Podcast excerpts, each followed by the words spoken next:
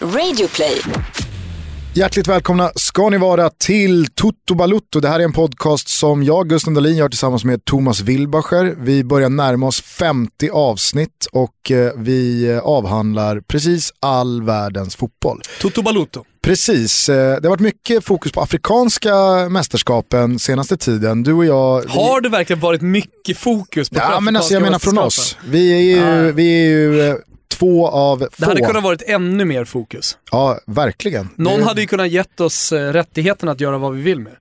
Ja, ja, och vi hade tagit dem eh, med hull och hår. Vi hade Alltså, afrikanska dem. mästerskapen känns också som en rättighet som du och jag bara ska ha. Mm.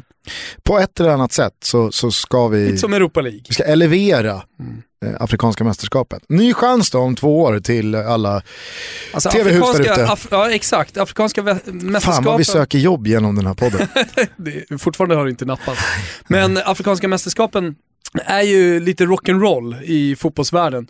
Det är ett mästerskap som de flesta inte bryr sig speciellt mycket om, men när man väl kommer in i världen som är den afrikanska, de afrikanska mästerskapen så trollbinds man ju av det som händer. Mm. Och det är inte bara bländande spel, långt ifrån, tvärtom. Det det är, det är ganska låg kvalitet generellt sett. Men det händer så jävla mycket mer. Det, det är som du har varit inne på flera gånger, men det är, det är tacklingar som är helt sinnessjuka. Det är felpassningar som liksom inte finns på toppnivån i fotbollen. Och eh, det blandas då med sinnessjuka individuella prestationer med skott i ribban, höll jag på att säga, ribba in, eh, dribblingsräder och så vidare. Så att det, det är ju den här eh, stora kontrasten mellan världsklass och nästan amatörnivå som gör att afrikanska mästerskapen blir så, som jag tycker, eller som vi tycker, härlig. Det är ju också på en helt annan nivå när det kommer till målgester. Ja, Under tre veckor så, så är målgesterna, får ju en revival. ja. Och det kanske många kan tycka är lite så här töntigt på något sätt, eh, som de håller på, afrikanerna. Ja. Men, men, men det Jo, är en i- helt annan kultur. I tider av att alla i Europa springer runt och firar sina mål genom att salta som den här Ja. Salt Bay. Eh, alla vet nog eh, vilken eh, ja, ja. viral grej jag, jag refererar till. Senast gjorde väl Danny Welbeck det. Vem, vem var ursprungskällan till det sa du? Nej men eh, alltså, du vet ju hur den här videon ser ut med han som saltar köttet eh, Ja, lite exakt. kaxigt. Så här. Nu har ju alla då börjat fira sina mål genom att eh, salta så. Det. Eh, det, det, det, finns ju inte på kartan att någon i Afcon skulle dra upp eh, tröjan och salta Tur är väl det. Utan där är det fortfarande den gemensamma dansen ute vid hörnflaggan som regerar. Gillar också målvakten som sitter ner och hoppar fram. Ja. Eller de som väldigt starkt eh, tackar Gud. Ja. Alltså det, det, det är ju ingen liksom... Eh, Egypten är ju bra på att kollektivt tacka Gud. jag, jag har säkert sagt det förut, men jag minns det så starkt när jag intervjuade Lasse Lagerbäck. Eh, det var när vi på Fan-TV gjorde ett eh, program som heter Bacalao. Var inte jag Eh, med i det? Jo, det var du. Eh, men jag tror att det var till det programmet som vi intervjuade Lasse Lagerbäck. Skitsamma, jag satt i alla fall ner med honom och så pratade jag om hans eh, mästerskapsrutin och hur han upplevt det. För att eh, at the time så hade han ju varit då förbundskapten för Sverige i många år, men han hade också haft Nigeria under VM 2010. Ja, men där och då så var han ju en ganska, ja men en, en trött fotbollstränare som inte speciellt många trodde skulle få någon ny revival. Och Jag tror, inte det var så många som, jag tror inte det var så många som trodde att han skulle ha två landslag till efter Nigeria. Nej. Eh, eller ja, tre då, hur man väljer att se på hans roll i Sverige. Nu har han ju Norge igen sen förra veckan. Skitsamma, jag frågade i alla fall då om skillnaderna mellan... Som man hoppas det går åt helvete för Lars Lagerbäck i Norge. Gör du det? Ja. Varför då? ja, men det är någonting med när, när eh, allting går eh, en persons väg som det har gjort med Lars Lagerbäck. Så det är bara hyllningar. Från då att han fick lämna det svenska landslaget, Erik Hamrén kom in, det skulle vara shining, Sverige skulle äntligen spela offensiv fotboll. Då var ju Lars Lagerbäck på hans kanske, eh, ja men moderna karriärs low. Ingen ville ha honom, i alla fall i Sverige, ingen ville prata med honom. Han var över i det här landet. Och sen så gjorde han allt det han gjorde med framförallt Island, han kom in i, i Viasat, eh, alla älskar helt plötsligt den här eh, lite gråa gubben, man drar paralleller till GV, lite, lite av fotbollsvärldens GV sådär. Och jag tycker ju själv att han är likeable och framförallt så kan han ju väldigt mycket fotboll så han ska ju såklart sitta där. Eh, men, men jag menar, nu har han varit i Island, nu går han till vår gul och gulos konkurrenter Norge. Och så sitter vi här och hyllar honom. Det är ju en antagonist, det är en rival som han, som han, som han helt plötsligt har valt att träna. Det är klart som fan man hoppas att det ska gå åt helvete. Jag kan ändå göra skillnad på Lars Lagerbäck och på Norge. Bara för att man... Fast han, han, alltså han valde, det ska vi prata om senare, men han valde ju Djurgården från att ha varit AIK-tränare. Alltså, man kan ju absolut välja att se på det så, men det förtar ju inte någonting av det Lars Lagerbäck har gjort. Och det, det gör ju... Fast det han gjort, jag skiter i vad han har gjort, jag pratar om det han ska göra nu. Ja, ja. På, på, och jag alltså, hoppas att jag, det går rätt åt helvete. Jag förstår hur du tänker, men någonting i mig hoppas ändå att det går bra för Lagerbäck bara för att man som svensk ska kunna räkna in den gentemot norrmännen. För att med Island så fanns inte den eh, antagonism som finns mellan svenskar och norrmän. Eh, jag tror att islänningarna tog emot Lasse Lagerbäck med öppna armar och var, alltså alla var överens om att nu kommer frälsaren.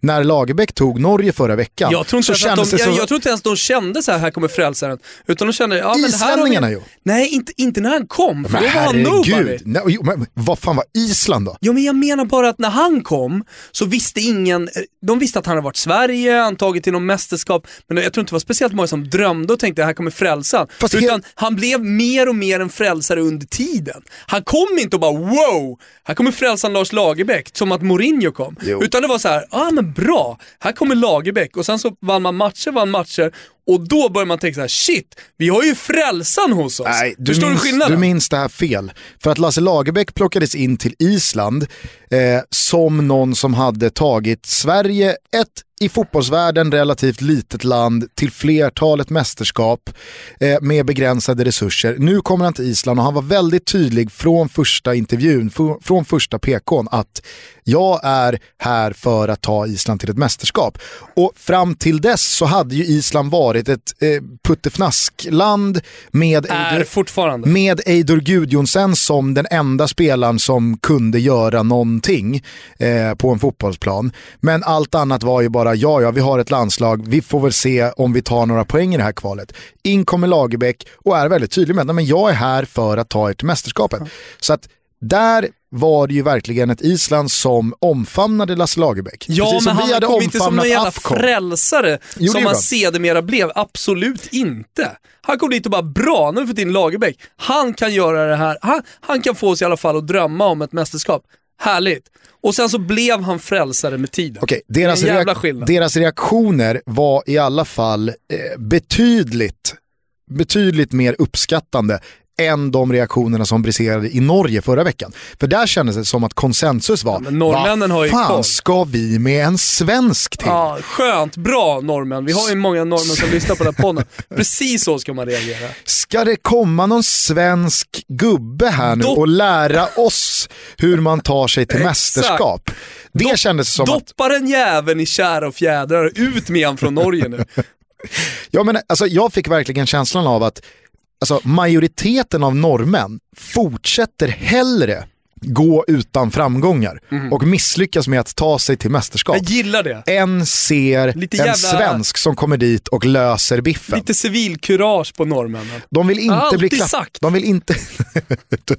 du satt väl här i våran årsavslutande podd och delade ut någon eh, landsgulasch till norrmännen bara för att jag de är Norge. Jag älskar ju Norge, fan bott i Norge. Jo, jo. Men Eller jag... det har jag inte gjort, det var ju skarv. Men jag har varit mycket i Norge.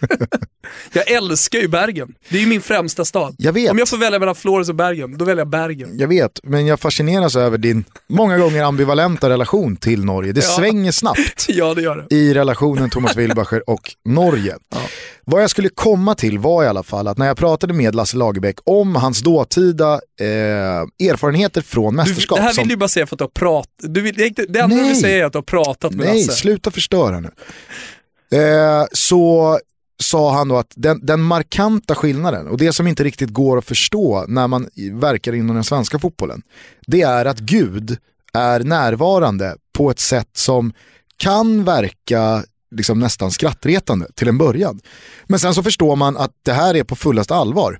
Vi kunde gå ut, förberedda till tänderna, ha en matchplan, ha en taktik, ha tagit ut elvan därefter, allting känns bra och sen så står vi för en platt match och i omklädningsrummet efteråt så pratar man med några av de framträdande spelarna och där är både de och några av ledarna helt eniga om att äh, Gud ville inte idag. Det, vi hade inte Gud med oss idag. Och du kan ju tänka dig för en sån som Lars Lagerbäck, den omställningen. Från permar, från eh, skolbänkar och från den oerhört matematiska fotbollen som han hela tiden har stått för. Att då byta kontinent och komma in i ett omklädningsrum ja, en... där man skyller unisont på Gud. Ja, det, det, är en, eh, det är en kulturkrock som en av, de, en, en av de största kulturkrockarna, helt klart. Och även fast man inte är någon eh, religiös person eller tycker att det här är jättefräscht så är det ändå uppfriskande att se en turnering fortfarande. Där Gud och religion är så pass närvarande mm. och så pass påverkande som den är på Afcon. Eh, I och med att vi spelar in det här avsnittet på en tisdag så blir det idag inget svep för att vi är en aktuell podd. Vi gillar inte att sitta här Nej. och eh, svepa om saker som hände för flera dagar sedan. Det, det, har runnit lite för mycket fotbollsvatten under den bron. Därför så säger vi väl bara att det, det alla behöver ta med sig från de senaste dagarna, det är att Afrikanska mästerskapen är avslutat men det är fortsatt en toppturnering som vi längtar efter att få göra någonting större med nästa gång. Ja, det vill vi verkligen göra. Och skicka gärna ner oss till, till Afrika. Mm. Nu det varit drömmen. rullar eh, superproducent Kim Wirsén igång gingen och sen så sparkar vi igång det här avsnittet av Toto Balutto.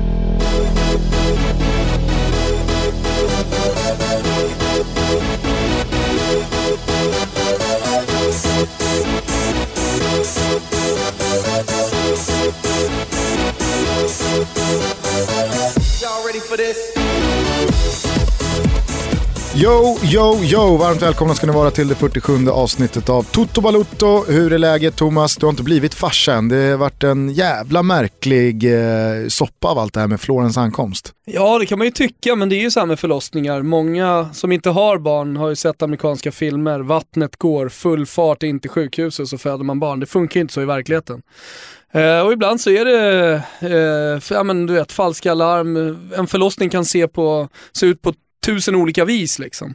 Och eh, vi har hamnat i ett läge där det är rött alarm, men vi kan inte, eller det finns ingen anledning att åka in till eh, BB.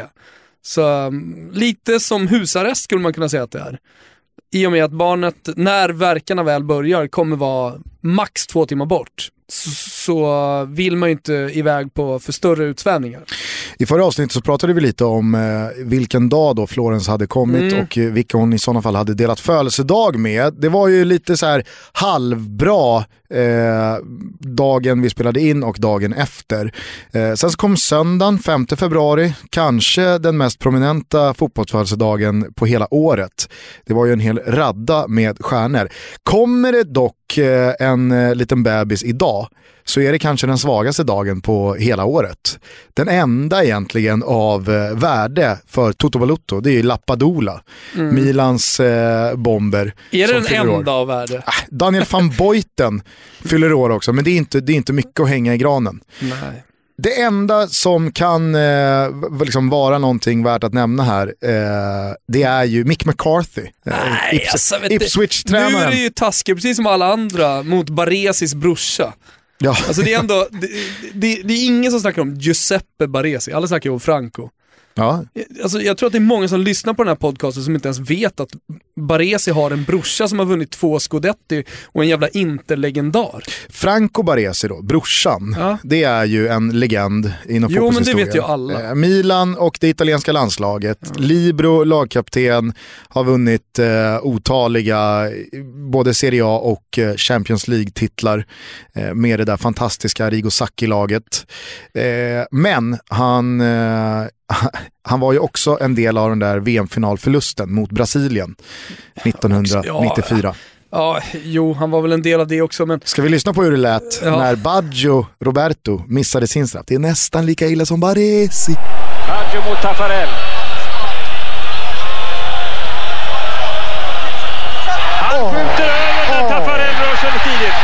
Precis lika illa som Baresi. Ja, men om vi då fokuserar lite på födelsedagsbarnet Beppe Baresi, så spelade han ju nästan 400 matcher för Inter. Fråga vilken Inter-supporter som helst, i alla fall den som är lite, lite äldre och var med på det ljuva 80-talet. Ja, det är inte kidsen idags favorit. Såklart att det inte är det, men jag menar det var en landslagsspelare, han gjorde VM 86, vi som minns VM 86 minns också Bar eh, Baresi. Beppe Baresi. Eh, men jag tror att kidsen idag då har väl eh, mest koll på honom för att han var, eller blev, Mourinhos andra tränare i Inter och var med och vann eh, trippen tillsammans med Mourinho. Sen var han ju faktiskt eh, någon slags heltidsanställd andretränare slash teknisk eh, medhjälpare liksom, till staben. Ofta andra tränare. Tills då Roberto Mancini kom. Då fick, han ju, då fick han ju kicken så att säga och blev någon slags scout. Jag noterar att du säger att han var heltidsanställd, som att det som att det är lite edge. att Inter har heltidsanställda Nej, assisterande. Du, är det några, någon klubb i världen som har en jävla massa heltidsanställd liksom, eh, personal, en heltidsanställd personalstyrka med personer som inte gör speciellt mycket så är det ju Inter. Nu får man ju röja upp lite i det kaoset som Moratti skadade. Han Så jag skapade... noterade bara att adjektivet var där, Ja, ja. heltidsanställd. Nej men vet du varför? Han var, han var heltidsanställd andre tränare, det vill säga en tränare fick sparken. Normalt sett så kom ju, 2017 kom ju tränare in med stab. Ja, du menar med- att eh, alla tränare har sitt, eh, Såklart, sitt crew? det, det är ju det vanliga liksom. Och man, det, inte minst, eller framförallt andra tränare.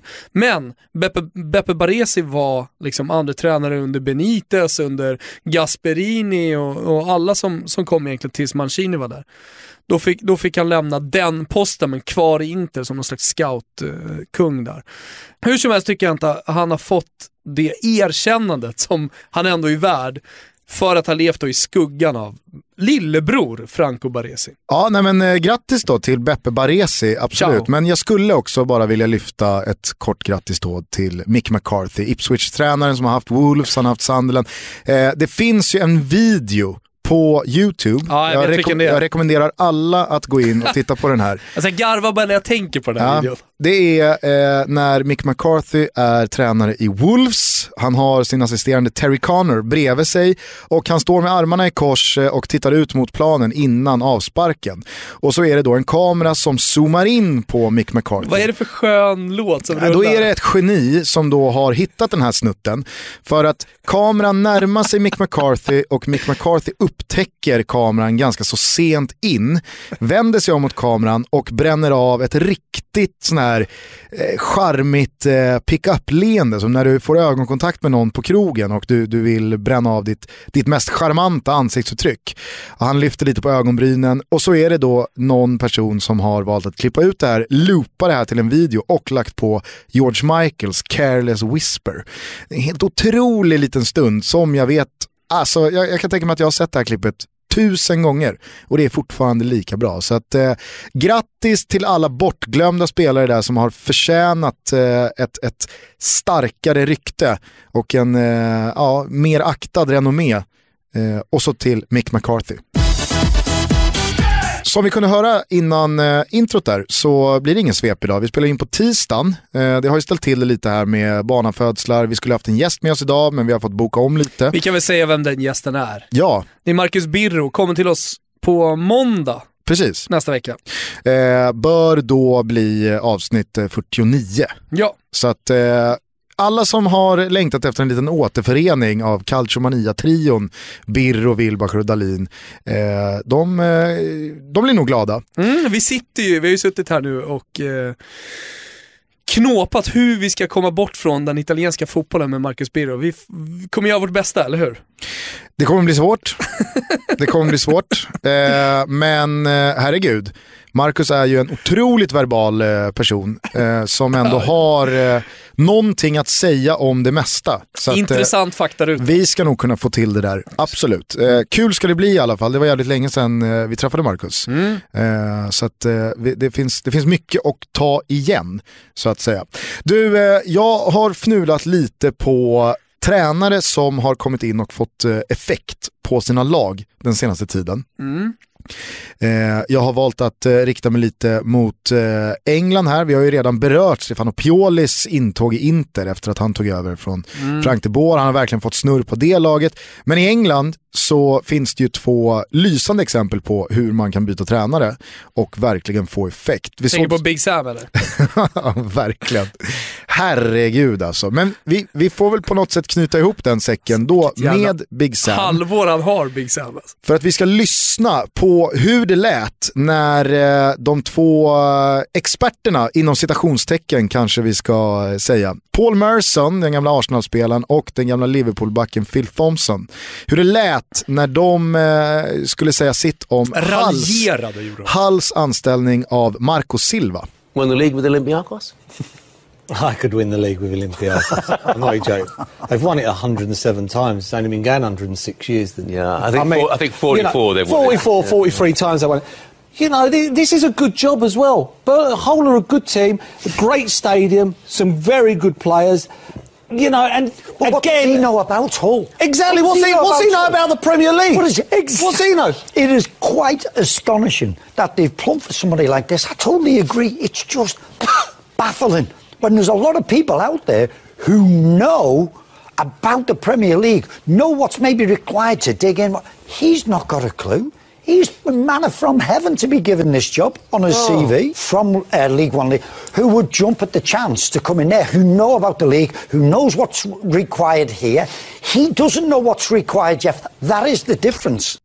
Marco Silva är alltså Halls nya Vilket tränare. jävla raljerande Ja, det är helt sjukt faktiskt. Alltså hur man kan ta sig sådana ord och sådana sågningar i munnen när man ännu inte vet hur det ska gå. Det här Det är alltså en sändning... jävla brittiskt över det där också. Ja, jo, alltså verkligen. Det, det är som att... Fan, jag, har eh, lust jag, jag lust att bara hoppa in en dropkick i bröstet på den där Paul Merson när jag hör det här. Eller kanske framförallt på Phil Thompson.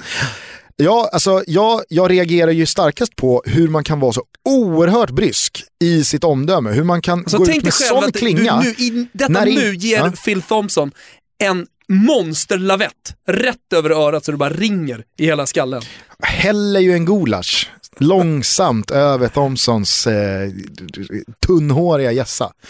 Men det, det, det du säger här, det är ju kul också för att det de mellan raderna sitter och säger är ju att Hall borde ha tagit Big Sam. Exakt, exakt. Och hur har det gått för Crystal Palace då? Sen de valde att kicka Alan Pardew, britt, bear in mind, eh, och ersätta honom med en annan då, gammal elefant i gamet, som då enligt Paul Merson och Phil Thompson kan det här. Ja, De exakt. kan the League Ja. och förstår, eh, Knows the league. Ja, förstår brittisk fotboll. know the league, vad fan snackar du om? De säger ju mellan raderna att Hall borde ha tagit eh, Big Sam eller en Big Sam-figur. Istället så väljer Hall att rikta sig mot en 40-41-årig portugis, Marco Silva, som aldrig har varit eh, på öarna förut. Han har haft Estoril, han har haft eh, Sporting. Han kommer senast från Olympiakos som de då ondgör sig över att, ja men herregud, jag hade kunnat vinna ligan med Olympiakos. Det, det, det gör ju vem som helst. Och så kommer han in och jag tror att den här sändningen är från Marco Silvas första match som Hall-tränare, som jag tror slutade med förlust. Nu är det annat ljud i skällan, januari har blivit februari. Marco Silva har tagit sju poäng på fyra Premier League-matcher. Han har slagit Manchester United i ligacupen. Nu blev det ändå respass i och med att eh, United vann första mötet med 2-0. Eh, man har gått vidare i FA-cupen, senast så slog man Liverpool tvärsäkert med 2-0 och man har tagit fyra av eh, fyra segrar på hemmaplan sen hans intåg. Och jag tycker att det är så jävla fräscht att klubbar inte lyssnar på de här gamla pandit profilerna som tror sig veta bäst utan vågar gå Det där är ju vad boxen. England var en gång i tiden och inte så jävla länge sedan heller. Ja, och i viss mån fortfarande är. Absolut. Det är väl bara att titta på de eh, alltså, klubbar, eller för den delen FA, som väljer att okej, vi behöver en ny förbundskapten. Vi, Mm. Det där är ju FA som sitter och vi väljer att släppa, spånar inför att Ja, de ska ta vi väljer att släppa förbundskapten. 95-åriga Roy Hodgson, Mm. som har varit med här nu i 60 år. Och vad, vad ska vi göra för att få snurr på det här? Vi tar Big Sam. Det, är ju liksom, det säger ju allting om eh, hur kvar i gamla hjulspår stora aldrig, delar aldrig, av... aldrig kommer lyckas i mästerskap heller. Ja. Så länge det är så. jag tycker i alla fall att det är värt att eh, lyfta Marco Silva lite extra för att det är en jävla spännande tränare Mm. som jag har, jag har sett alla de här matcherna som Hall har spelat i och med att de har spelat mot de, de stora lagen också och gjort väldigt bra resultat. Eh, de, de spelar ett extremt välorganiserat försvarsspel. Mm. Det är alltid lika kul att se ett lag som har gått tungt under en längre period, verkligen behöver resultaten, man skiftar tränare och in kommer någon som direkt så tydligt kan sätta sin prägel på laget. De är ju, de är ju Englands svar på Kievo. Det, det är Englands bästa smash and grab-lag. Ja, på en väldigt kort tid så har de ju seglat upp till, Till att eh, bli det. till, till att vara en av eh, Så de han, kandidaterna. han har ju Absolut. suttit och kollat på Maran. Vad är det han gör som är så bra? Hur kan han vinna mot de stora lagen? Och sen så har han gjort samma grej. För jag menar, det är en sak att ha Olympiakos, som han mycket riktigt är inne på, Paul Merson, är eh, eh, ett, ett lag som vinner ligatiteln väldigt ofta. Du vet att de Jag heter menar- Olympiakos va? Va? Du vet att de heter Olympiakos. Olympiakos, är det så de heter? och inte Olympiakos. Olympiakos, är det så Du de ser hur jobbigt det är när man eh, håller på med det här. Jo, fast du- du hade ju fel. Nej, de heter Olympiakos. Ja, jag sa ju Olympiakos. Nej, du sa Olympiakos. Nej, det sa jag inte. Jo. Olympiakos. Som partyön. Nej, Kos. Kos. Älskar Kos. Har du varit på Kos? Ja, 97 var där. Med, Ja, kompisgäng. vad hände? Ja, dyngrak i två veckor. Inga skandaler? Knulla, söp, så som man gör när man är liksom på Kos. Jag körde Sakyntos och Rhodos. Okej, ja, jag, jag körde Kos. Och äh, grabbarna grus, höll jag på säga, inte speciellt mycket. Jag minns fan inte var jag var någonstans. Det var två veckor som är väldigt dimmiga. Jag körde, på tal om då Swansea som också, vi ska komma till Paul Clement eh, och det tränarbytet som också har gjort det bra. Eh, Så jag, körde hårt på Rhodos med Kribben Nordfeldt. Sprang Okej. på varandra, det var Mm. superkörning från båda hållen. Nej, det vet jag fan. Kanske inte som Kost 97 då, Nej, det tror jag inte. med Rönning i gänget. Nej, det var någonting annat. Och just, just det här med eh, att även göra det mot de, de eh, stora lagen, att även vara så bra och ta poäng. Många kan ju känna att man inte lägger så mycket, många lag och många klubbar känner att de inte lägger lika mycket energi på just de matcherna för de förlorar man ändå. Medans eh, Marando, om man får säga hans motsvarighet i, i England, Marco Silva, går och vinner istället. Ja, och det hade ju varit eh, imponerande nog att få ihop det med ett lag där det inte har hänt så mycket på in och utfronten under ett fönster. Eh, utan han har liksom fått ihop det med spelare som har spelat tillsammans. Men för att addera det Marco Silva gör så oerhört snyggt med Hall, det är ju att in i det här laget så har Ranocchia kommit, in i laget har Kamil Grosicki kommit från Frankrike, eh, in i laget har eh, Niasse kommit från Everton, Ndiaye in, alltså det är, ett, det är ett helt nytt lag, man har tappat Snodgrass till West Ham, man har, eh, alltså, man har ju fått till ett, ett lag som är helt nytt, både i truppen och på bänken. Och det ser ut som ja, ett av Premier Leagues mest väloljade lag. Det stämmer omgående för spelare som kommer från olika ligor. Och man brukar alltid prata om en inkörsperiod, att det tar lite tid att akkli- akklimatisera sig. Och det yttersta beviset har vi ju på när Ranocchia kliver in i det där försvaret och är fläckfri. Nu valts till veckans spelare, eller i veckans lag. Eh, och alla vet ju som har följt den italienska fotbollen, ni som inte har gjort det har säkert hört surret kring Ranocchia, grodan som eh, varit sämst i Inter under några år här nu. och, eh, Fyra år, Fyra år. konstant sämst. konstant sämst. Eh, fansen, inte fansen har liksom bara önskat bort honom. Den dagen Ranocchia lämnar ska vi fira. Och nu har de firat och så kommer han till Hall och är sådär bra. Det är häftigt. Ja, och vi tillskriver ju inte någonting till Ranocchia, utan allt är ju Marco Silvas förtjänst. Såklart. Jag har i alla fall grottat ner mig lite i Marco Silva där, vad det är nu han har gjort så jävla bra. Och det här är ju ingen slump att han helt plötsligt har fått till det så bra, att de ser så oerhört organiserade ut i försvarsspelet. Utan Marco Silva har från sin första Ja, träning det hade ju varit klivit sjukt in. om han inte hade gjort någonting. Nej men alltså, det finns ju vissa som kliver in och jag tror bara förändringen Ja, ja. i sig Ja, men leder till resultat. Men Marco. Silva har från sin första träning alltså höjt eh, träningslängden med en och en halv timme i snitt. De är uppe och tränar tre timmar nu. Eh, Mhm. Om dagen? Om dagen.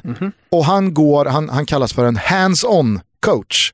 Han är alltså ute och flyttar Michael Dawson, Huddlestone, Maguire, alla de här spelarna är han ute och flyttar, drar i med armarna och ställer dem på positionerna på plan. Att när bollen är här, då vill jag ha dig där, jag vill ha dig här, jag vill ha dig Lite som där. Flickor 09 i Säby sim och sporthall. Ja, väldigt lite kanske. Nej, Men- men, det är, man, man går och flyttar liksom och Ja. bryter hela tiden. Det var som Hasse Backe när han tränade Finland, första tre träningarna han hade. Han sa han bröt var tionde sekund och flyttade på folk på planen. Och sen så blev de här 10 sekunderna 15 sekunder, de blev 20 sekunder och till slut kunde de spela två mål i två minuter utan att han skulle gå in och bryta. Sen gick det som det gick. Fast det, resultatmässigt visst, men han gjorde ändå någonting. Han var på väg någonstans med det finska landslaget. Men det där förbundet är också ett trött jävla förbund. Finska, Finnarna hoppas man ju ännu mer att det går åt än eh, med norrmännen. Att det går segt för. Jag vet inte om jag känner så alltså. Jag känner Finnarna, ja, fotbollsmässigt så har ju de heller aldrig haft några mästerskap och de har aldrig haft några framgångar och Jag tycker ändå det haft en del talang. Så tycker, jag tycker ändå att finnarna är mer värda ett mästerskap om man, ba, om man bara liksom går till sitt hjärta än vad norrmännen är. Det enda laget som jag- Norge kan ju fortfarande leva på Tor André Flo. Det enda fotbollsmässiga jag ömmar för när det kommer till Finland, det är ju laget HJK Helsingfors. Som idag gör sin första av, eh, ska vi våga chansa på 10 träningsmatcher mot svensk motstånd. Alltså de måste vara så trötta på att göra resan över Östersjön till Stockholm för att spela den här träningsmatchen mot Bayern. Bayern. Mot, Bayern. mot AIK, mot BP, mot eh, Syrianska, mot Djurgården, mot eh, Norrköping. Alltså Ja, de jag möter alla. Alla prenumererar på att möta HIK. Det är lika roligt varje gång som jag ser att de ska träningsspela mot något svenskt lag. Eh, Marco Silva är en hands-on coach som inte lämnar någonting åt slumpen. De tränar 3-3,5 timme varje dag och han har verkligen sagt eh, och fått fram sitt budskap tror jag. Att det är den här planen vi följer, passar inte det så passar det inte, då behöver man inte spela. Och man ser ju på Hall att de tror ju på det här nu. Passar inte, det är, fan, det är fotbollsproffs. Fast vadå? Det finns väl ganska många spelare i olika lag runt om i Europa som har en blå re- registreringsskylt där man får lira ändå. Jo, kanske det, men inte när det kommer en ny tränare. Ah, ja, hur som helst. Vi Passar gillar, inte så är dund där. vi gillar Marco Silva i Ja, eh. Toto Balotto. Håll ett öga på Hall som fram till nyår var Premier Leagues sämsta lag, hur de än låg till i tabellen. Men nu är kanske hela Englands bästa smash and grab-lag. Vi vill tillskriva allting till Marco Silva. Ingenting till Ranocchia, men eh, det ultimata kvittot på hur bra Hall är nu, det är ju att till och med Ranocchia ser helt okej ut. Eh, nämnde ju Paul Clement snabbt där i Swansea och där är det väl också så att eh, Swansea ja, tar nu kanske sista biljetten att hålla sig kvar. Eh, Paul Clement har ju fått väldigt mycket ros här för det han har kommit in och gjort i Swansea och hans karriär har ju hittills varit att han har tagit rygg på Carlo Ancelotti och varit hans andra gubbe. På tal om då att man som de här stora tränarna har sin stab men att då många bryts ut. Vet du vem som är den svenska, det, det, det svenska eh, bidraget nej. till de här staberna? Nej. Det är José Morais. Kommer du ihåg honom? Ja, ja, som hade visst. assyriska Ja. och som sen blev en del av José Mourinhos stab. Var väl både med honom i Chelsea och i Real Madrid. Mm. Eh, men sen så tror jag att han bröt sig loss och körde själv. Det fan om inte han tog AIK Aten och fick dojan av Majstorovic. Mm. Om det var den första tränaren Majstorovic når på det i alla fall. Nej, men Starkt ögonblick där. det är kul med lyckade tränarbyten och Swansea och eh, Hull står ju för dem och det är extra roligt när de gör att figurer som Paul Merson och eh, Phil Thompson får äta upp sina ord. Ska vi bara lyssna på hur det lät en gång till. Exactly. What's he, what's he know about the Premier League? What is it? Ex- What's he know? Kommer du ihåg förra veckan Thomas, när vi pratade om eh, insatser genom fotbollshistorien som borde ha renderat i sex getingar eller det är en tia? I La Gazzetta dello Sport eller L'Equipe. Ja, det här har ju engagerat också våra lyssnare. Vi har fått in väldigt många förslag på prestationer som borde rendera till sex getingar, 10 i Gazettan, eh, men också en hel del mail ju. Mm. Det är skitkul att så många hör av sig. Adressen är fortsatt totobalotto.gmail.com. Man kan spela in eh, vad, vad, som helst i det här samtalet. Men det var ju väldigt många som då kom med förslag på prestationer som borde ha gett toppbetyg. Till och med ett betyg över toppbetyget, alltså sex getingar eller en tia i Gazettan. Eh, de två insatser som verkligen sticker ut om vi ska tro våra lyssnare är ju dels Zinedine Zidans insats i kvartsfinalen av fotbolls-VM 2006 när Frankrike slog ut Brasilien. Mm. Och Zidane pikade under sin sista stora dans. Han satte ju ett oerhört avtryck i finalen sen. Eh, men det kanske framförallt genom skallen då i Materazzis bröst. Mm. Eh, den här matchen han gör mot Frankrike, den, den, den minns du väl? Ja, det är klart att jag minns den. Eh, på tal om Zidane också, i just den finalen mot Italien så har ju Zidane ett monsterläge innan han blir utvisad. Nickar och Buffon gör en eh, jätteräddning, en sån här eh, reflexräddning och till, till hörnan. Det, det, var ju, jag tänker ofta när jag ser den räddningen att det är ett så sliding doors moment. Hade han satt den nicken så, ja, hade varit en helt annan historia nu. Ja, eller om man... Fotbollen är ju full av sliding door moments. Man har Anders Svenssons helikopterfint och så innestolpen, kontringmål. Skulle vi möta Turkiet i kvartsfinalen, det är klart att vi hade vunnit den matchen och sen så hade vi varit i semi. Det hade varit gata hela vägen fram till final. Ja, alltså verkligen. Jag kan fortfarande tänka på den. Ja. Kvartsfinalen mot Holland, EM 2004. Ja, Ljungberg stolpe, ja. Henkes i ribban. Äh, hemskt. Men alltså sliding doors äh, ögonblicket nummer ett i VM-finalen är ju fortfarande skallen. Vad hade hänt om man inte hade skallat Materazzi? Mm. Ja, förmodligen hade Frankrike vunnit. Jag tyckte de var bättre. Finalen kändes starkare faktiskt. Men tillbaka till den där kvartsfinalen mot Brasilien. För det var ju ett Brasilien som hade ett av sina namnstarkaste lag någonsin på plan. Och Zinedine Zidane är så majestätisk i den där matchen och det är ju verkligen den här läromästaren visar vart skåpet ska stå. Mm. Han, han, han latchar ju med dem. Mm. Det är som när den här lite övertända läraren går ut i matchen mot sexorna mm. och kör lite för hårt. Ja exakt, jag menar precis som du säger, det var, det, var, det var den sista stora dansen och han hade på något konstigt sätt också lyckats då samla all den här erfarenheten han hade från sin karriär men behållit den fysiska formen så att han var, han, han var som en slags eh, liksom superhjälte på plan. Det, han, hade all, han hade precis allt. Han var, han, var, han var nästan bättre än vad man kan vara på att spela fotboll. Exakt. Och Således vi pratade ju lite, betyg 6. Ja, och vi pratade ju lite i, i då senaste avsnittet när vi berörde det här om att det är så väldigt viktigt med vad det är för sammanhang. Mm. Det räcker inte med att det är en Europa League-match eller en träningsmatch eller vad det nu kan vara. För det är ju många som har mejlat in då att Zlatan borde fått sex getingar för insatsen mot England på ah, premiärmatchen, mot, eh, eller premiärmatchen på Friends. Och även fast det är en Usch. fantastisk insats och han gör ju sitt karriärs absolut sjukaste mål eh, när han då cyklar den eh, från 30 meter så, så är det fortfarande en träningsmatch. Det går inte att jämföra med en kvartsfinal i ett VM mot Brasilien. Och precis som du säger så, så, är kanske det största incitamentet till att Zidane ska ha sex getingar för den där insatsen, är ju att de han möter, de står ju nästan och bara tittar på Zidane, kan man vara sådär bra? Jag, jag, jag, jag, är på lyssnarnas sida här. Eh, en fantastisk insats som borde eh, renderat i sex getingar eller en tia i gazettan. Mm, vilken är den andra då? Jo, det är då från året innan, 2005, när Ronaldinho och Oj. hans Barcelona åker till Santiago Bernabéu. Det är El Clasico. Berna. Bernabéu. Ja, fortsätt. Ja, eller, eh, det, det var jättefint. Det, det stavas ju likadant som Delefeu. Så det, Exakt. Bernabeu. Det var det jag tyckte att du sa. Det var därför jag tänkte att du hade anammat då, ja. mitt katalanska uttal. Ja, med en fransk pappa. Precis. Det kanske hade, de kanske hade en fransk arkitekt mm. på Bernabeu. Möjligt.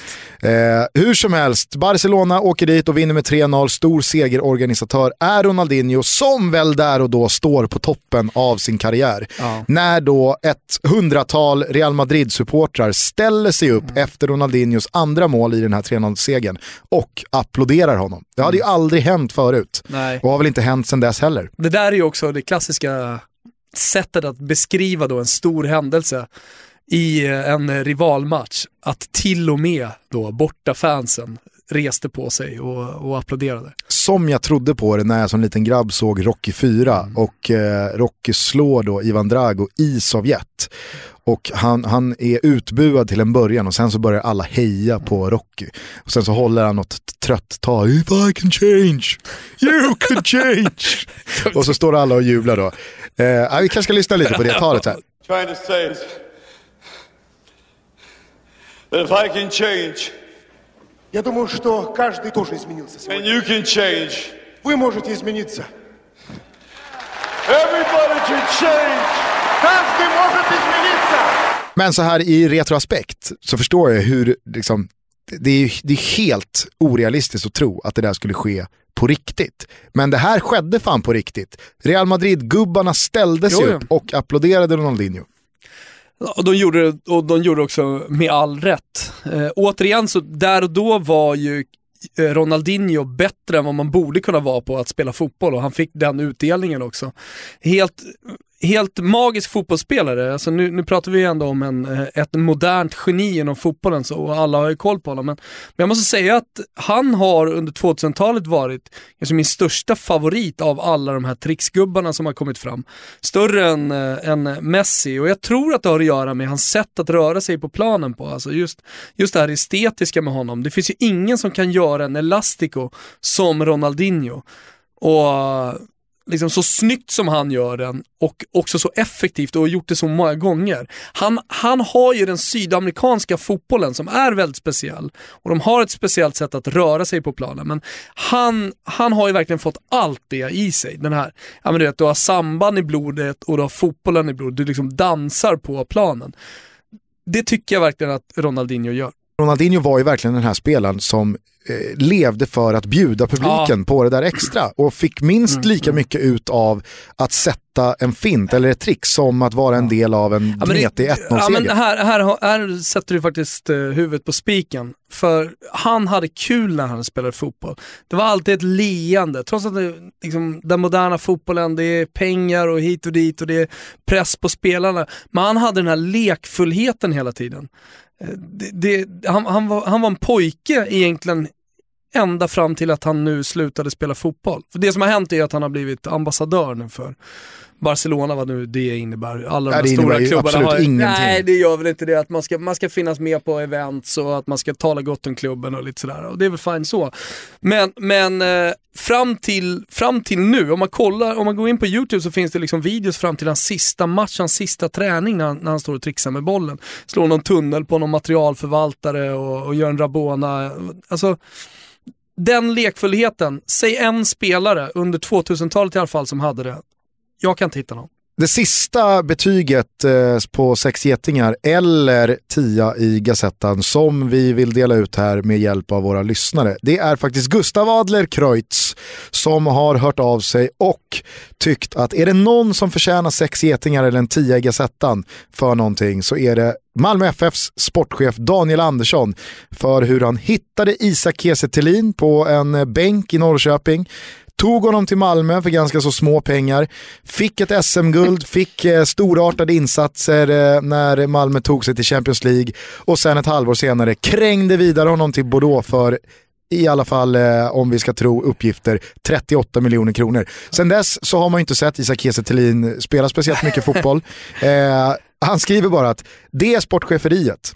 Det, är inte det sex getingar? Vad är då sex getingar? Jag tyckte det, var ett kul grej av Gustav Det är lätt att, det, det, är lätt att uh, säga att det är lite tur med här, men, men jag väljer att hålla med. Det är sex getingar rakt av.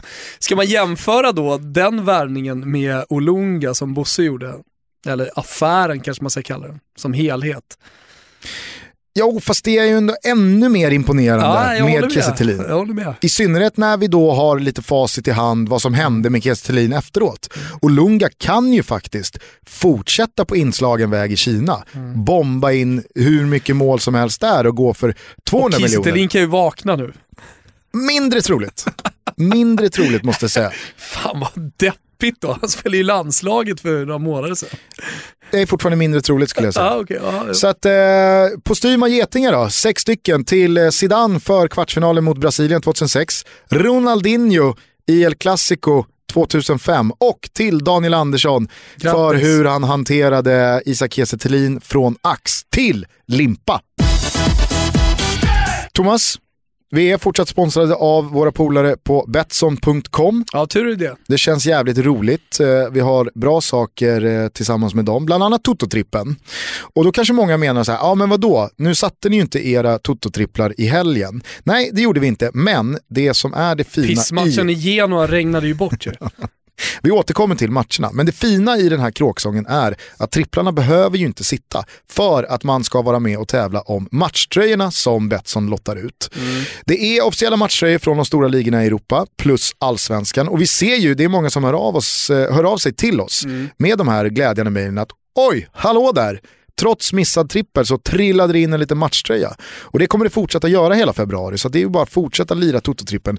Och sen så hoppas vi såklart Alltså att vi utöver varje, det varje vinner. spel, precis.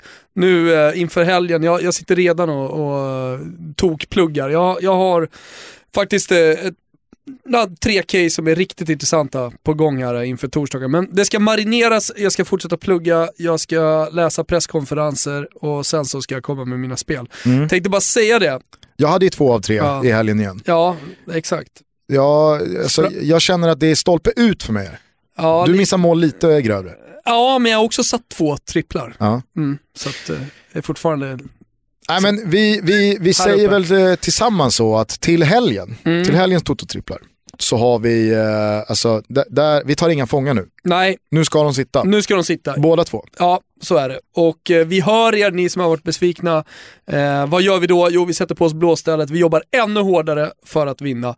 Och eh, ställer in siktet på helgen. Förra veckan så gästade Kristoffer Svanemar oss och berättade lite om projektet Destination Europa. Är ni nyfikna på det och inte har hört det avsnittet så gör det. Eh, det är jävla bra grej på gång där. Vi kommer återkomma till Svanens eh, eskapader nästa vecka när han då ska ut på sin första resa.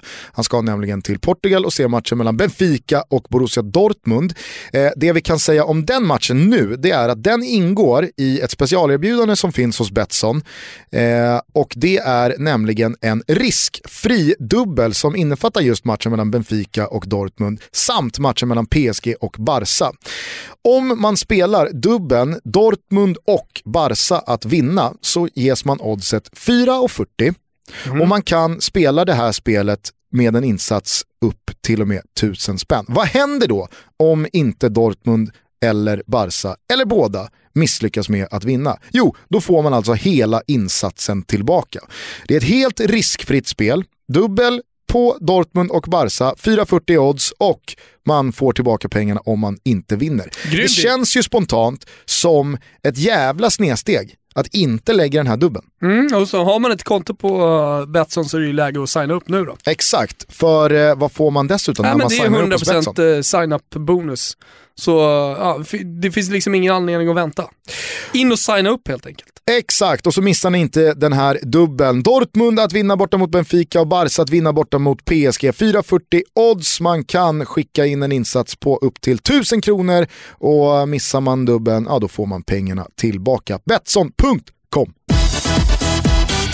Hör du, eh, ska det delas ut någon eh, schnitzel eller någon gulasch? Vi kan göra det lite snabbt. Eh, schnitzel går till, jag gillar ju återuppståndelser inom fotbollen. Spelare som helt plötsligt vaknar till liv som har varit dödförklarade. Vi har haft några sen Toto Balotto sparkade igång. Nu går schnitzeln till Falcao som verkligen har vaknat till liv i Monaco igen. Och helt ärligt, i somras så var det ingen som trodde på Falcao. Med knäproblemen han hade inför VM 14, vi följde ju Falcao hela vägen in där och man trodde ju faktiskt att han skulle bli kvar. Han åkte ju hem till Colombia, körde rehabiliteringen på egen hand. Och då, då såg man ju framför sig liksom med medicinmän runt och en hel del, eh, eh, ja, lå- låt oss säga substanser då som man kanske egentligen inte får, får ta. Ja, men det var ju en fullskalig kamp mot klockan. Mm. Som det ibland, eh, på ett sätt härligt kan vara inför de här mästerskapen. Vad Vi minns, ju alla, blivit- eh, vi ja. minns ju alla David Beckhams eh, fotproblem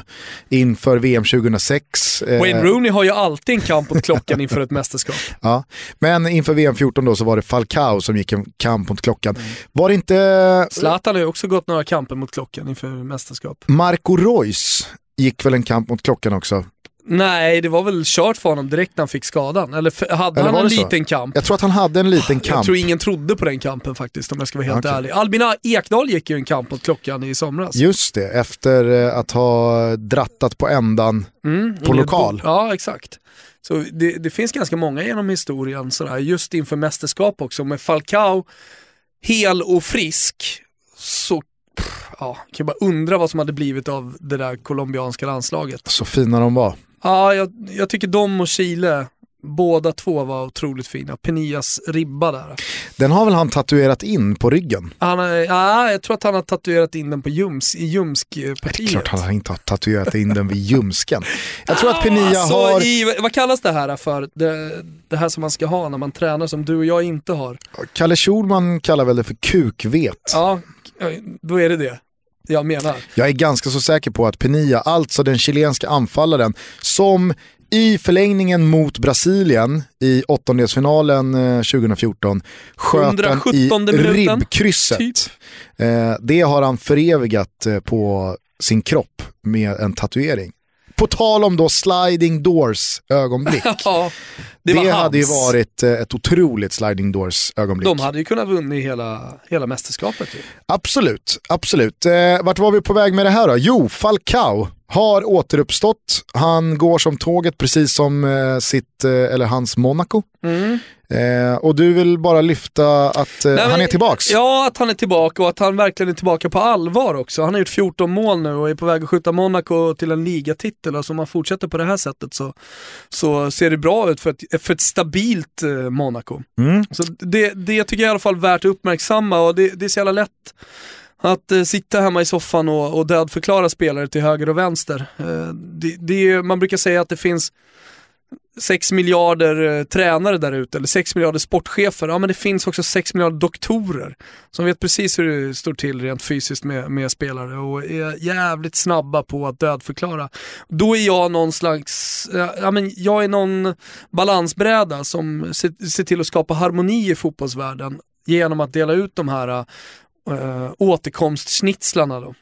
Schnitzel till Radamel Falcao och på tal om spelare som man har räknat ut, vi ska alldeles strax dela ut en eh, gulasch också, absolut. Men på tal om spelare som många har räknat ut så börjar det bli dags att lyfta luren och ringa till Turkiet. För där finns det en spelare som vi alltid har stått bakom och som vi vet aldrig är att räkna ut. Tjena Danne, Janne här. Har du Sams nummer?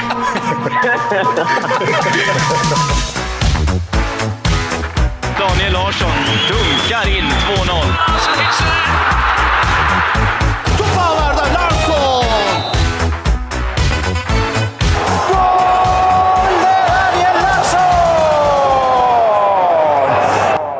Hallå? Hallå där, Hallå där. hur är läget?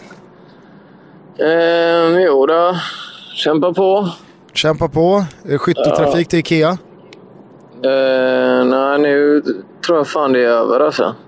Jaså? Mm. Det var ju en jävla massa rum och kvadratmeter som skulle fyllas. Menar du att ni redan har eh, handlat klart allt? Jag har inte så mycket att göra som fotbollsproffs. Vi gör det... eh, Eller jag gör väl inte så mycket. Men eh, det eh, har min, eh, min baby mama väldigt eh, bra koll på. Jag, eh, Så att eh, jag håller mig mest med ungarna Du- under de tiderna. Ni, du har inte skaffat tjänstefolk än eller?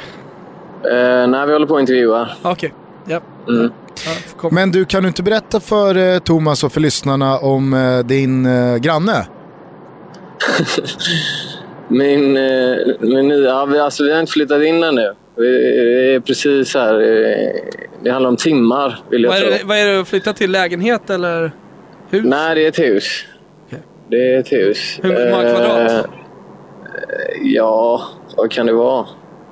kan vara kanske eh, 350 någonting. Ja, det är inte större än så alltså, bara 350. Ja, sen Ja. har du ju tomt och pool och... Ja, okej. Mm. Ja, ja. Alltså det, det är ett helt okej boende då kan man säga. Ja, vi är nöjda. Ja. Helt klart. Vi är nöjda. Gratt, grattis då, det är aldrig lätt ju. När man kommer till eh, jetset-orter att, att hitta boende. Men det, men det, Nej, det är precis. avklarat nu då. Så det är ja. Man visste ju att det var rätt nivå på grejerna när man eh, direkt i filmen från huset såg att, eh, ah, där är hissen. Vad är det här för film? Vad är det här för film? Nej, som jag inte har tagit Lollo har skickat en, en, en film där hon går eh, the tour genom Okej. huset. Då är det ju då en hiss som går från första till fjärde våningen inne i villan. Fjärde? Visst. Oj. Ja, ja. Men okej, så... Då, Nog om det. Grannen finns det en är granne också. Ja.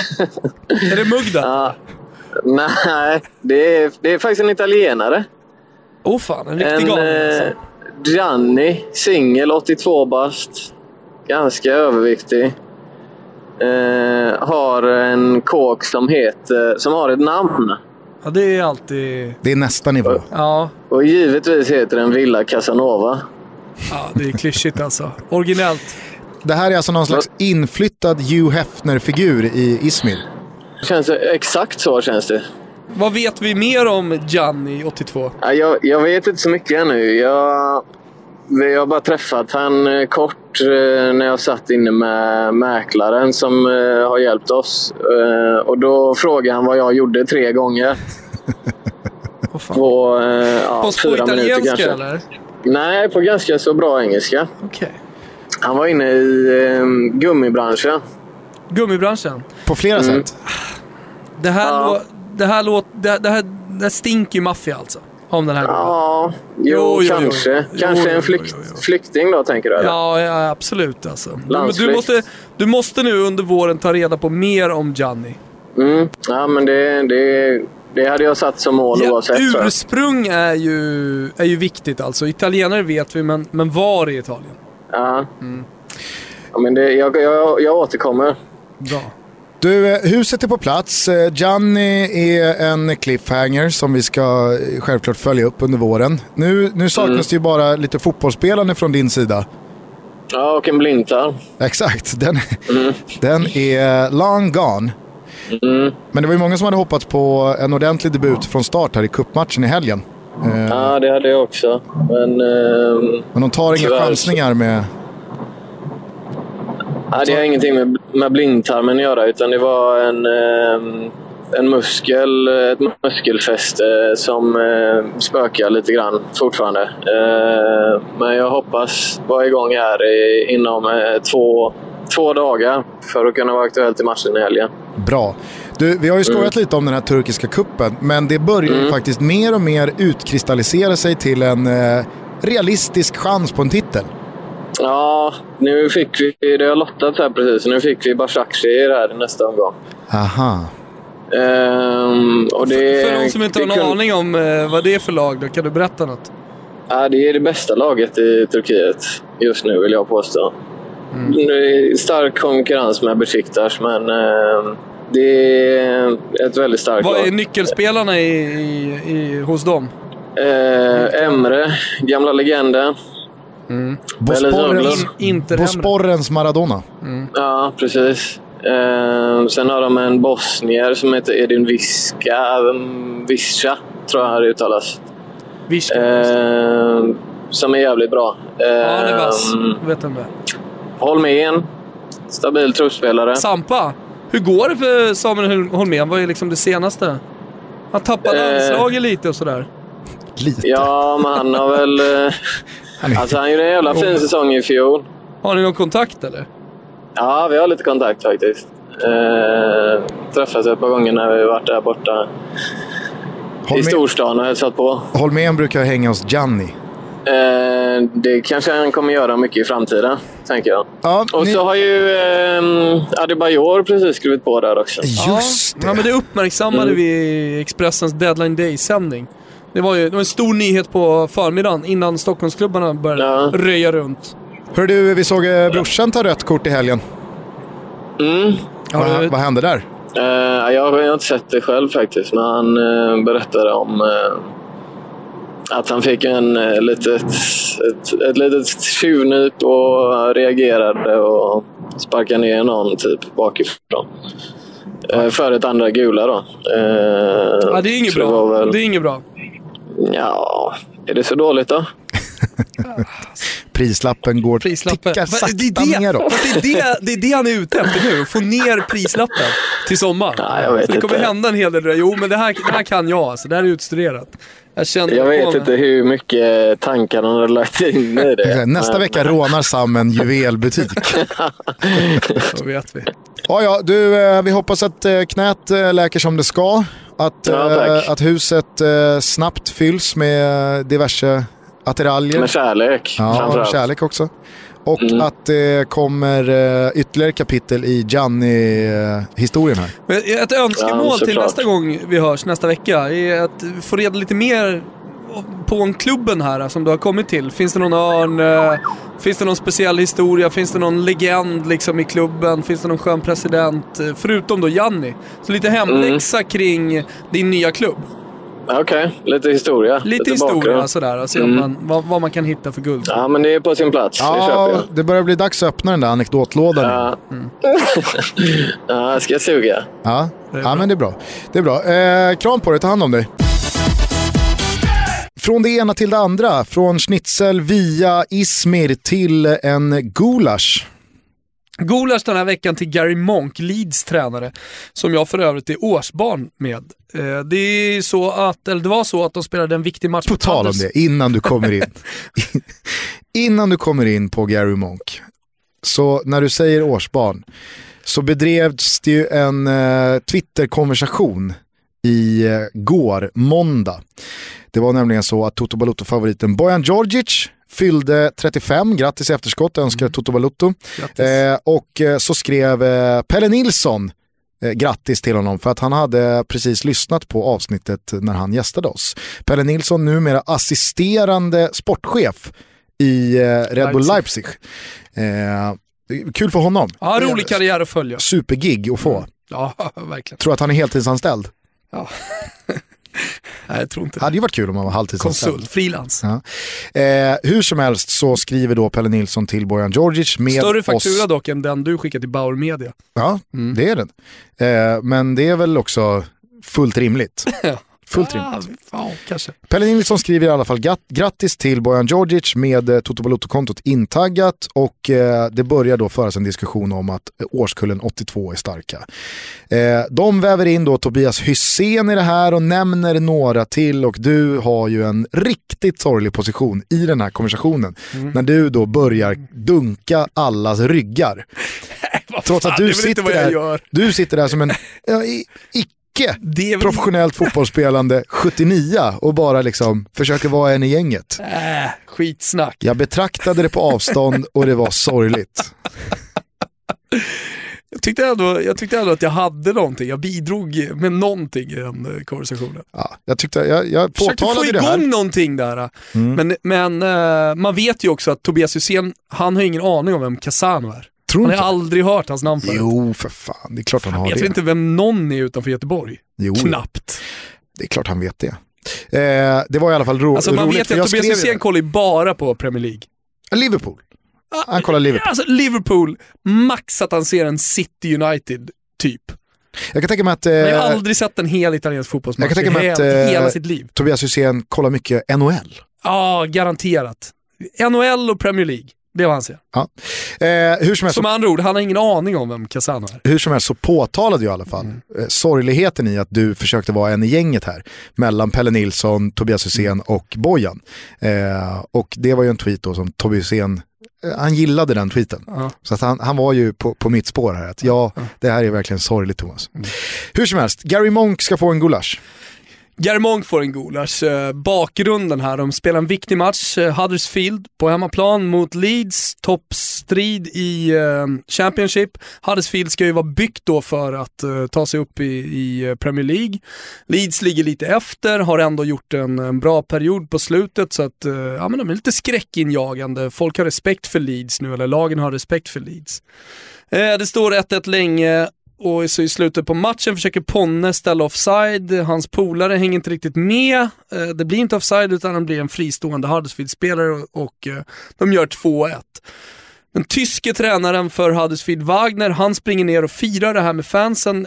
arenan exploderar eh, och eh, sen ska han springa tillbaka då till sin bänk. Varpå han får en tackling av Gary Monk. Han, han kliver fram fyra steg, sätter en axel i bröstet på Wagner och sen så är bråket igång. Ponne är där. Ponne! Ponne! Eh, många är där och det här har ju då uppmärksammats såklart i vår hashtag tuttobalutto. Gill, jag gillar när folk är, är med på noterna.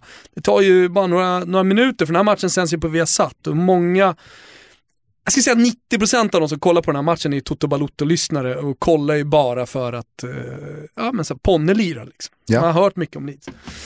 Och eh, ja, men det blir ett efterspel såklart. Eh, Gary Monk sätter sig på presskonferensen och säger att Wagner ska vara mer respektfull, eh, ha mer klass och eh, vara mer ödmjuk då. Han, eh, han gillar inte alls det här firandet. Vi har ju faktiskt en liknande situation i Premier League när Mourinho blev sur på Antonio Conte som firade lite för mycket eh, vad Mourinho tyckte. Det här fick ju också ett litet efterspel i Toto Balotto-tråden. För att eh, då, då, då var det ju många som mindes hur eh, Mourinho firade när han till exempel då vann med eh, Real Madrid mot Barcelona. Ja. Så, sådär. Hur som helst, jag kan tycka så här. Visst Gary Monk, lacka på, på Wagner du kan tycka att det där minsann inte är respektfullt och sådär gör man inte. Men sätt inte en tackling i bröstet på honom, sen sätter du och pratar om klass och respektfullhet och ödmjukhet eh, på presskonferensen efter. Det är det, alltså det, det är det jag går emot, inte att han sätter in tacklingen i bröstet. Den hyllar jag snarare i så fall. Om du är sur och, och, och sådär, men, men stå för den då också. Gå inte och säga, för, för att jag menar Gary Monk, han står inte för något speciellt classy. Kolla på Gary Monk liksom, i, i den matchen och det han gör. Det finns ingen classy med det. Det finns ingen respektfullhet med, med att kliva fram och, och sätta en, en axel i, i bröstet på någon. Sen är det ju många som vill få det till att, säga att Wagner är på väg igenom det, det tekniska området och så här. Men det surret, det är bara att lägga ner. Det, det, får, det håller ju Leeds-supportrarna på med. Det tänker jag inte ens köpa. Sen kan man ju tycka att Wagner inte ska hålla på och fira på det där sättet. Fine, det får man väl tycka om man vill. Alltså ställer man de här två situationerna mot varandra, alltså som mot gör. Leeds och Chelsea mot, Ars eller Chelsea mot United, Mm. så menade ju Mourinho på att hej, fira, fira sådär om ni gör 1-0 i 90 Mm. Men när ni gör 4-0 och det redan är klart och ni, bara står och väntar på slutsignalen, då behöver ni inte eh, liksom peta oss i ögat för att använda en Mourinho-koppling. Eh, och, och, och I det så finns det ju någonting. Eh, men ska man då eh, tycka att Mourinho har lite rätt där så är det ju precis det som händer här. Huds gör ju 2-1 i vadå? 89 och det är en superviktig match. Ah, ja. Så att, att reaktionen blir som den blir från Wagner, tror inte jag, eller jag upplever inte i alla fall, som att det är någonting annat än eufori för att Det man gör eufori. Det är 2-1 i slutet av matchen. Det, är- det är inte så här, nu, nu gjorde vi 2-1. Vänta, Fan, jag ska nog provocera Monk lite och springa och fir, eh, fira med, med gubbarna. Det är klart inte är det. Och sen när han är på väg tillbaka så är han på väg tillbaka till sin bänk. Det, det, det går inte att snacka bort det. Det är bara Leeds-supportrar som gör. Och jag är neutral här. Till och med så att jag är pro-Leeds som jag är pro-någonting. För att Ponne spelar där och för att jag vill ha upp dem i, i eh, Premier League. Så att jag, det är verkligen inte liksom att, jag, att jag har någonting emot Leeds, som no, no, några på Twitter verkar ha fått det till. Tvärtom. Ja, du är pro, pro Leeds. Ja, men, men, men inte pro eh, Gary Monks, eh, eller Gary Monks ord på presskonferensen Gary Monks glashus är trasigt. Så är det. Så är det. Och det, det är framförallt, eh, håller på att smälta, för det hälls brännhet gulasch över det. Hör du, jävlar vad det puttrar och bubblar och sjuder om Stockholmsfotbollen. Eh, AIK har ju agerat eh, både in och ut ordentligt i det här transferfönstret. Det är in och ut man ska agera. Ja, eh, man har plockat in Kristoffer Olsson och senast så kom då Simon Tern till laget. Eh, hade ju ett par eh, högoktaniga svar i en Sportbladet-intervju igår eh, på några frågor där. Ja, högoktaniga onekligen. Nu så har precis Bayern presenterat Gilo Anamad, man har gjort det på Kvarnen, som sig bör. Kvarnen är ju ett eh, legendariskt ställe för Stor, Hammarby-supportrar. stark, Fernet och Hamad. kan inte bli bättre för en Bayern. Bayern. Bayern. Eh, spontan reaktion, Gille till eh, Bayern.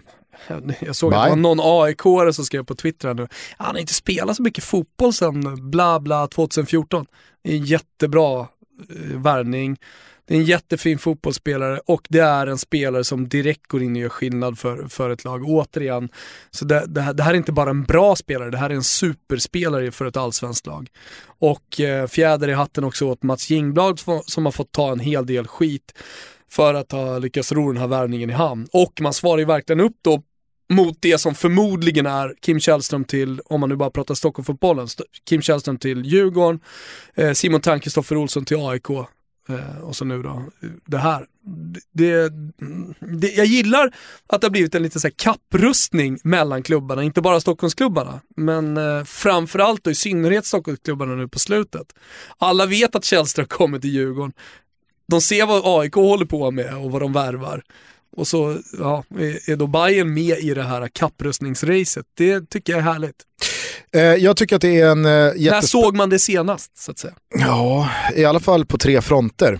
Det är ett tag sedan. Ja, men exakt. Eh, nej, men jag tycker att det är en jättespännande värvning av Bayern Kul också för eh, Hamad, komma till Stockholm, eh, komma till ett lag där Det är han... mycket, det är mycket roligt den här veckan att, att komma till Stockholm just. Ja, ja men vad Mycket som fan. landar i att det är jävligt kul att komma till Stockholm. Är det så jävla roligt att komma till Stockholm? Jag har ju varit nere och träffat eh, Gille Ja. i eh, alltså, Det här är Heidel... information som jag inte kände till. Jag har varit nere och träffat Gille i Heidelberg Mm. och i Hoffenheim. Och jag kan säga att hur proffsig den klubben än är och hur fett Bundesliga än är, brasklapp, eh, så är ju fortfarande livet där nere, kan jag tänka mig, ganska så segt när du inte får spela. Nu kommer han hem till allsvenskan, en serie han eh, känner, en serie som han har vunnit. Eh, han kommer till ett lag som har fulla hus eh, var och varannan vecka. Eh, han kommer till en eh, miljonstad eh, där han liksom direkt tror jag kommer trivas. Och han kommer till ett lag där han kommer få vara stjärnan. Jag är... dock- Miljonstad, är det det som är det, det, är, det, det är det bästa argumentet för Stockholm? Har du suttit och häckat i Heidelberg och Hoffenheim, då är det en faktor. Stockholm. Ja, det är det. Det är det. Du underskattar den här stan. Ja, Det är puls här. super. Det är puls här. Däremot så tror jag att eh, Bayern är ett lag som snarare hade behövt lägga sina sekiner, om det här nu är en stor andel av plånboken och det som Jingblad har att röra sig med, på lite fler spelare än ett sånt här dyrt kontrakt. Jag eh, oroar mig lite för, eh, för Bayerns lag. Eh, och jag vet inte om en Jiloan Ahmad är svaret på alla frågor som behöver lösas. Eh, jag, hade sk- varit fint. jag skulle inte bli förvånad. Världsfreden. Hamad. Ja, verkligen. Svält. Eh, Hamad. Klamydia. Hamad. Trump. Hamad. Eh, Fotsvett. Hamad. fots, vad fan har du för... Ja, men alla små och stora problem. Ja. Lösningen. Eh, nej, men, eh, jag, jag kan tycka att det finns, det finns ju någonting i oron kring hur lite han har spelat fotboll. Han har haft ett utlån till Standard Liège. Han har framförallt varit ganska mycket skadad de här säsongerna. Spelat oerhört lite. Eh, självklart liksom, varit och verkat i en miljö som garanterat har utvecklat honom som fotbollsspelare. Men det behövs spelas matcher och jag tror med den truppen han kommer till här nu, till det laget han kommer till nu, som den frälsare han kommer som nu, så är det väldigt mycket press på väldigt få axlar omgående. Eh, så att det, blir, det blir spännande att eh, följa. Jag kan, jag, om man då ska jämföra till exempel då med Simon Tern, mm så ser jag ju inte Simon Tern gå in och ha ens närmelsevis lika stor press på sig att nu är det upp till dig Simon. Nej, det tycker jag inte. Men Eh, Gille kommer ju kliva in här som att Jag menar, han, ja, han Gille och ju är svaret på väldigt många av våra frågor. Ja, ja nej, men exakt. Nej, men AIK har ju också en mycket bättre trupp eh, rent breddmässigt än, än vad Hammarby har. Så det, det är klart att det, det blir kanske lite mindre press. Däremot så tror jag nog att Kristoffer Olsson känner lite av samma press som eh, Hamad får göra i Hammarby. Ja. Sen är det ju så att jag menar, AIK går in för att vinna det här SM-guldet, det kommer inte Hammarby göra. Vilket gör att under säsongen så kommer nog pressen totalt sett kanske bli högre då för, för eh, än Simon Thern. Jag vet inte.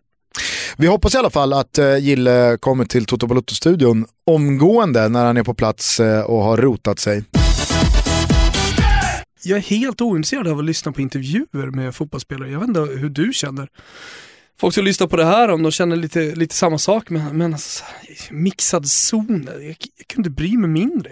Nej men jag, jag, jag tänkte på det, just... Eh... Just det fotbollstekniska, absolut. Ja. Hur var matchen sådär? Okej, det, det, är intressant. Men allting annat, alltså en fotbollsspelare är ju totalt ointressant som människa. Verkligen. Men jag tror också att det är ett resultat av hur eh, det socialt mediala landskapet har blivit. Mm. Jag, jag, jag förstår faktiskt att spelare i väldigt hög utsträckning heller inte vill snacka när det de säger blir så upphåsat och så problematiskt för dem själva.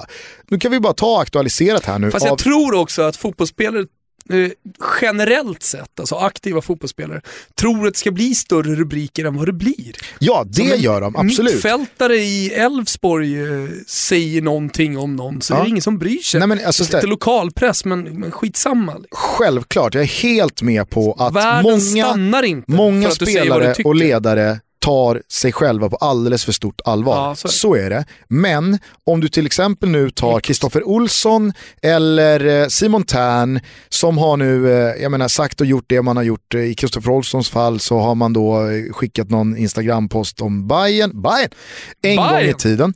Eh, och man har uttalat sig om Hammarby. Simon Tern säger i någon intervju att ja, jag tror att min gode vän Marcus Rosenberg vinner skytteligan. Nu spelar han i AIK så blir det helt fel. Och så blir det världens grej i sociala medier och de ska få tugga skit. Ja men det är väl klart som fan att nästa gång de får frågan om någonting så kommer det komma ännu plattare svar. Mm. Ännu mindre eh, liksom alltså ännu mindre substans i det de säger. Det kommer vara till slut inga kommentarer och jag är helt med på det du säger att i väldigt hög utsträckning numera så är det totalt ointressant att lyssna på fotbollsspelare mm. för det sägs ingenting. Eh, och, och, man vågar inte heller, så det, det, är en balansgång det där. Man tar sig själv på för stort allvar, absolut. Men... I vissa fall, som i Kristoffer Olssons fall, så hade det varit bättre om han inte hade uttryckt sin, eh, eh sin fotbollskärlek, så att säga. Kolla på Alexander Isak, som många spekulerar i håller på Barcelona.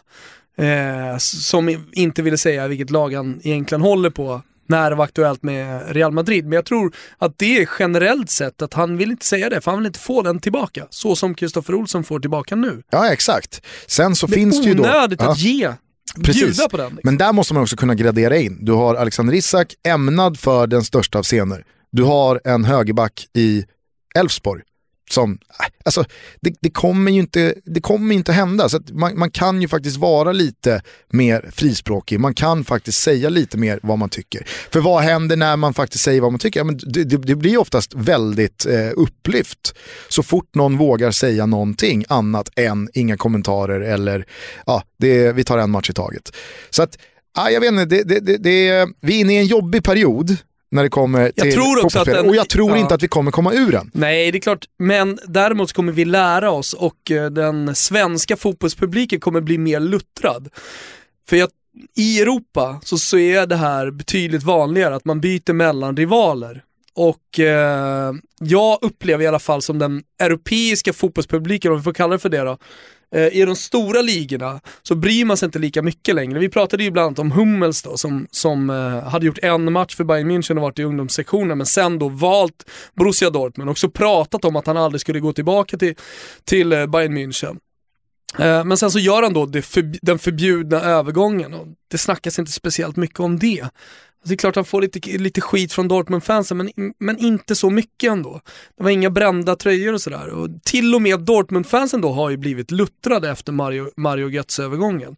Man pallar inte längre, bryr sig. Och jag tror att vi, vi är i alla fall på väg dit, men vi är inte där än. Låt oss säga att allsvenskan ligger en 10-15 år efter, rent eh, liksom utvecklingsmässigt, hur fotbollen har utvecklats. Så vi är fortfarande vi, fortfarande så blir vi så enormt upprörda när då en kille som inte har spelat en match för varken Norrköping eller Hammarby på seniornivå eh, går till AIK. Ja, och jag säger inte, och det vet jag att du inte gör heller, att supportrar ska chilla eller tagga ner eller sluta, sluta reagera. Jag säger bara var vi befinner oss någonstans i, eh, eh, låt oss säga, vilken tidsera vi befinner oss i just Exakt. nu. En 10-15 år efter Ja, eh, de, de att- stora ligorna i Europa. Och jag säger bara Så om att det som- 10-15 år Gusten, då kommer man inte bry sig om en sån här Nej, gång. och jag säger bara att det som uppförstoras nu och blir en väldigt big deal, det kommer fortsatt göra fotbollsspelare ännu mer ointressanta för att de kommer säga ännu mindre saker för att man inte vill ge någon någon chans.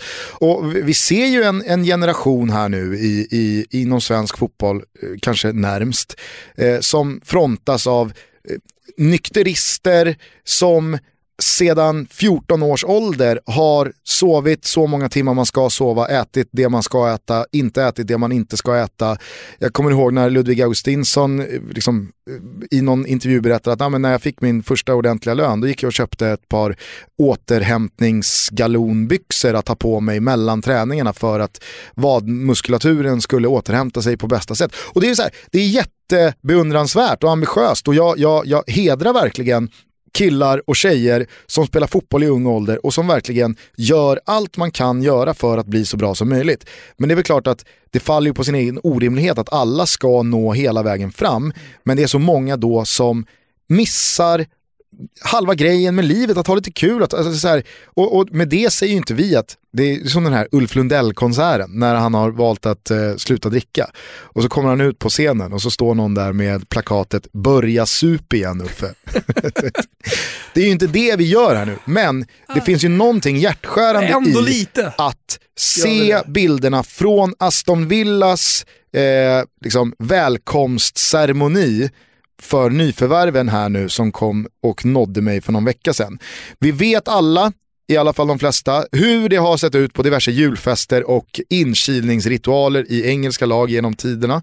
Eh, nu har det ju liksom så här, det är andra tider här nu. Så här Ja. lät det när Aston Villa skulle välkomna sina nyförvärv. Det var på den här helt galna nivån att man skulle ställa sig på en stol och sjunga en helt crazy låt. Maybe I just don't get it. You enjoy being Oh! oh! it's never Wow! The makeup on his shirt. You don't look Det här är alltså James Bree som står upp på en stol inför alla, tittar ner på texten se. på telefonen och sjunger med i den här låten. Det- I ett konferensrum typ. Och så har vi då eh, nästa spelare. Notera. Jävlar vad de garvar. Nu tänker man, vad är det som händer här? Ja, ja. Nu blir det riktigt sjukt. Vad fan ska den här killen utsättas för? Nej, vi lyssnar vidare.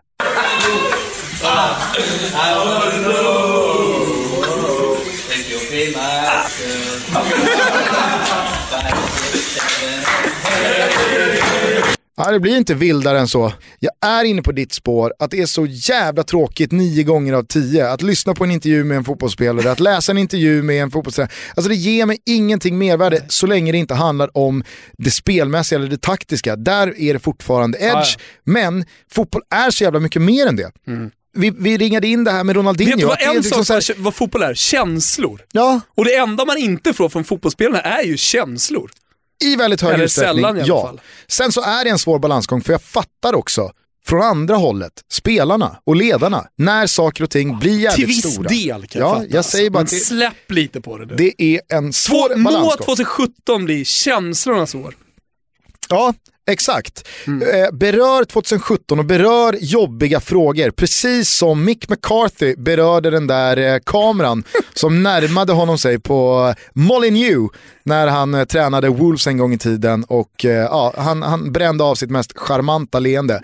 Tack till alla som har lyssnat på Toto Balutos 47 avsnitt. Tack. Eh, vi är tillbaka alldeles snart igen, det ska bara ploppa ut en bebis först. Först ska vi ploppa ut en bebis och sen är vi tillbaka. Och sen så har vi Marcus Biro med oss i början av nästa vecka. Eh, vi kommer skicka ut någon tweet om det där folk kan ställa frågor. Annars är det bara att fortsätta höra av sig till oss hos eh, mailadress totobalutto.gmail.com. Nästa vecka så är det Totobalunset också den 15. Det ska bli så jävla roligt. Eh, det ser jag verkligen mycket fram emot. Vem är hemliga gästen? Eh, kan vi inte avslöja Okej. än. Kan vi inte avslöja än, men det blir bra i alla fall. Så mycket kan vi lova. Käk och bärs och trevligt och fotboll. Allt vad det är. det, blir, det blir kanon. Rabatter på Grand Frank kommer det bli också. Ja, bara, bara en sån sak. Eh, hörru, eh, tack för idag. Tack själv. Vi hörs eh, snart igen. Mm. Ciao tutti. Ciao tutti! Ciao. I